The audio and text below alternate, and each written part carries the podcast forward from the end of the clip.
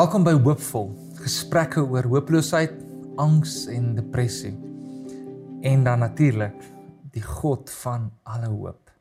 Ek glo in die God van alle hoop. Hy het vir my soveel hoop kom gee. Ek het 'n 15 jaar stryd met depressie gehad en en die God van hoop het my oorwinning oor dit kom gee en waar ek nog steeds in oorwinning kan stap. Al is daar tye wat ek dit moet veg in my eie lewe, weet ek daar is oorwinning vir my en ek glo vir jou ook.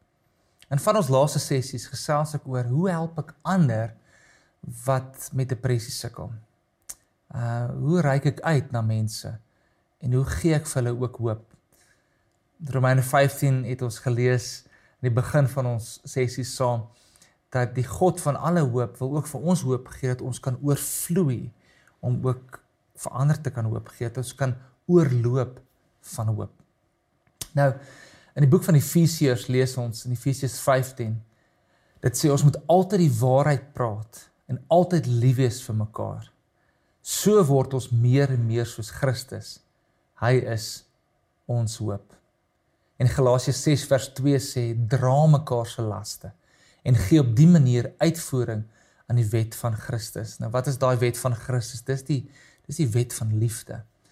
So ons het mekaar lief deur ek verstaan twee dinge te doen: om waarheid te praat in liefde en om mekaar se laste te dra. En dis wat die Here ook vir my en jou verwag as ons ook ander mense wil help wat met depressie sukkel.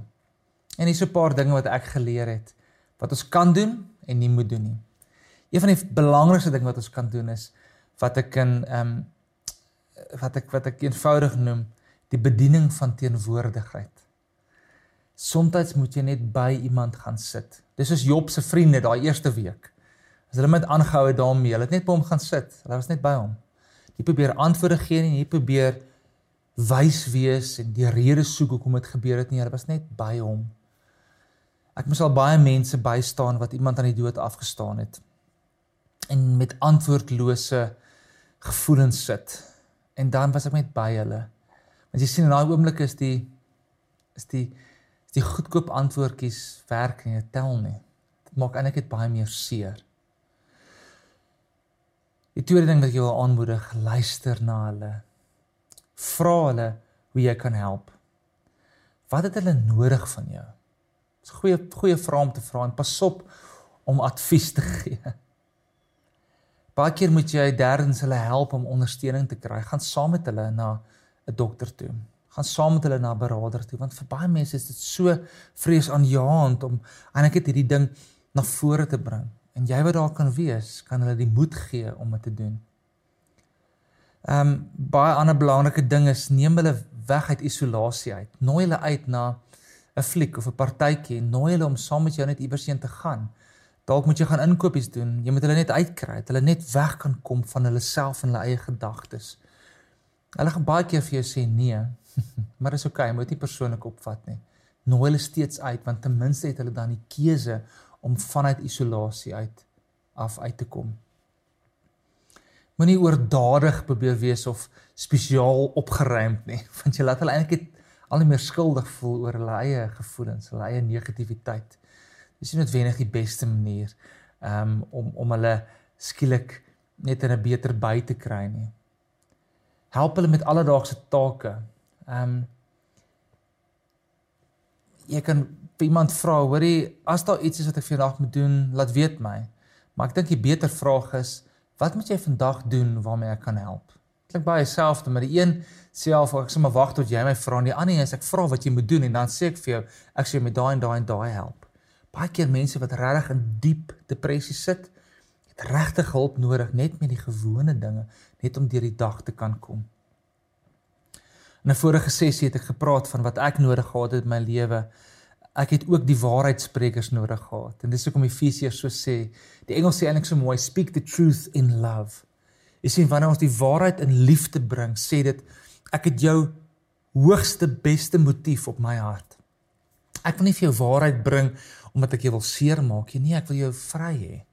En soms het ons nodig om waarheid ook te spreek in mense se lewens. Die waarheid oor wie hulle is, die waarheid oor wie God is. Ehm um, en dan om ook die woord vir hulle te kan bring Natuurlik wil hulle dit nie altyd hoor nie. Ek onthou baie keer sê ek ek wil nie dit nou hoor nie. Ek weet dit is die waarheid, maar ek wil dit nie nou hoor nie want ek voel iets anders. Maar steeds kan jy dit bring. Maar doen dit in liefde. Doen dit uit 'n hart wat regtig omgee vir mense. Moedig hulle aan om te oefen, om stokperdjies te beoefen. Gaan saam met hulle. Begin saam met hulle iets nuuts doen. Dat daar net 'n 'n 'n 'n nuwe doel voor oë is. Belangrik net kyk ook baie goed na jouself in sulke tye. Want mense met erge depressie kan jou baie vinnig insluk. Jy moet gesonde grense hê.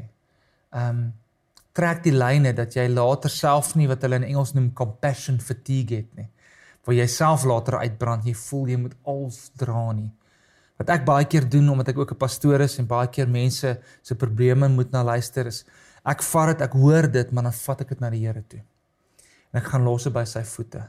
Jesus, ek moet hulle laste help dra, maar uiteindelik is dit Jesus wat die las aan die kruis vir ons reeds kom dra het. Ek kan hulle nie red nie, maar Jesus het hulle reeds gered en wil ook in hierdie area vir hulle redding bring.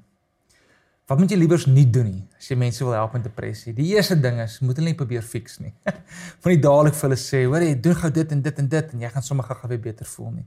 Ehm um, moet ook nie hulle probleem kleiner maak as wat dit is nie. Ek het al baie keer mense wat sê man, snap out of it. Hulle het nie 'n klou waar die mense gaan nie.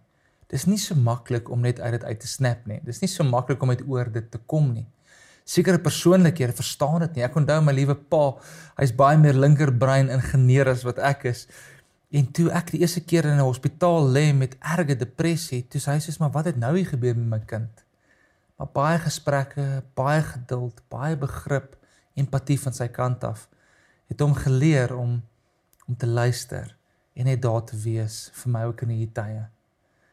Ehm um, asseblief moenie goed persoonlik opvat nie. Mense wat depressief is, maak baie keer ander mense seer want hulle is so selfgesentreerd. Ek het baie mense seer gemaak. Ek het, ek het baie keer goed gesê wat ek nie eintlik bedoel het nie. Ek het ek was so selfsugtig baie keer omdat my eie emosies so de mekaar was. So moenie dinge te persoonlik opvat as hulle jou vir die hoeveelste keer bad en nee sê vir daai koffie of nee sê vir daai fliek. Bly net uitreik bly jy net sterk in daai oomblikke ook. Natuurlik as mense selfmoordneigings het, moet jy dit ernstig opvat. Ja, daar is baie mense wat die selfmoordpraatjie gebruik om aandag te kry of te manipuleer. Jy sê baie keer weet as jy al baie keer met mense te doen gekry het oor selfmoord. Ehm um, en veral as iemand 'n patroon het en baie keer al gedreig het en dit nooit doen nie maar ek sal eerder aan die kant neig wat ehm um, eerder versigtig is. Ehm um, as mense begin totsiens sê. As mense goed skielik begin verkoop. Ehm um, as mense jou heeltemal te lank 'n drukkie gee en en te lank totsiens begin sê. As hulle self dalk al meer begin isoleer, pasop en kyk uit vir daai tekens. Kry hulp. Uh vra iemand vir hulp. Uh, soos julle sien elke keer aan die einde van die episode dan gee ons ook vir julle ehm um, hulplyn nommers na wie julle kan uitreik sodat mense ook hulp kan kry. Ek vir regtig aanmoedig ehm um, dalk is jy die laaste skakel wat iemand kan help reg na 'n pad van oorwinning toe. Jy het 'n massiewe rol om te speel.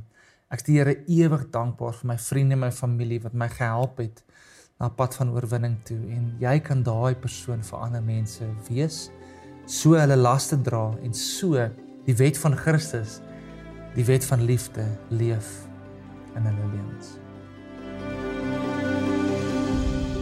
Dankie dat jy ingeskakel het by Hoopvol. Vir verdere hulp, asseblief gaan besoek www.sakevdsiel.org om 'n Christen sielkundige se perspektief te kry op depressie en ook hulp hiervoor te kry.